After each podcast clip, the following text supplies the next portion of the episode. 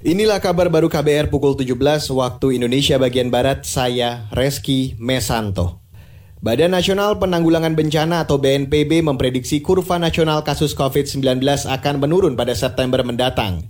Deputi Bidang Pencegahan BNPB Lili Kurniawan mengatakan, hingga saat ini kurva DKI Jakarta melandai, sedangkan daerah-daerah lainnya masih meningkat.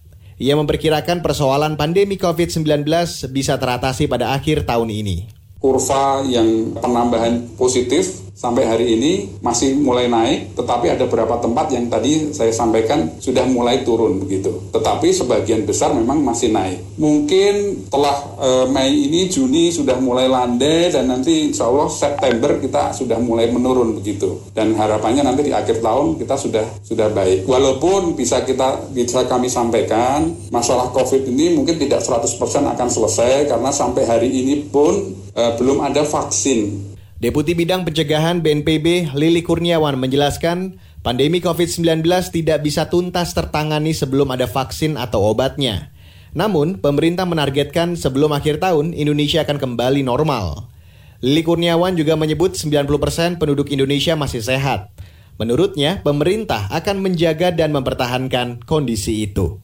Kita beralih ke kabar selanjutnya, PT Kereta Api Indonesia atau PT KAI akan mengoperasikan perjalanan kereta api luar biasa atau KALB untuk berbagai rute mulai 12 sampai 31 Mei 2020. Pada masa itu akan dioperasikan 6 jadwal perjalanan kereta api luar biasa untuk masyarakat yang dikecualikan sesuai aturan pemerintah dengan penerapan protokol pencegahan COVID-19 yang ketat.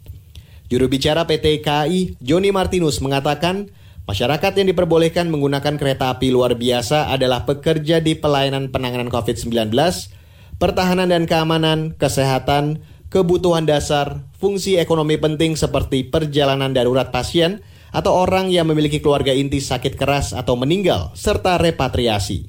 Penumpang datang ke stasiun untuk melakukan reservasi atau pembelian tiket dan diharuskan menunjukkan dokumen-dokumen sesuai dengan yang dipersyaratkan oleh surat edaran gugus tugas. Di antaranya dokumen yang menunjukkan negatif atau bebas dari COVID-19, adanya juga surat tugas dari instansi terkait dan dokumen-dokumen penunjang lainnya yang akan diverifikasi oleh satuan tim gabungan yang ada di stasiun tersebut. Juru bicara PT KAI Joni Martinus menambahkan calon penumpang yang sudah terverifikasi akan mendapat surat izin dari Satgas COVID-19. Surat izin itu hanya berlaku untuk satu kali perjalanan. Beralih ke kabar dari mancanegara, sejumlah sekolah di negara bagian New South Wales, Australia mulai dibuka kembali pada hari ini. Pemerintah setempat sebelumnya sudah memperpanjang liburan akibat pembatasan sosial demi mencegah penyebaran COVID-19.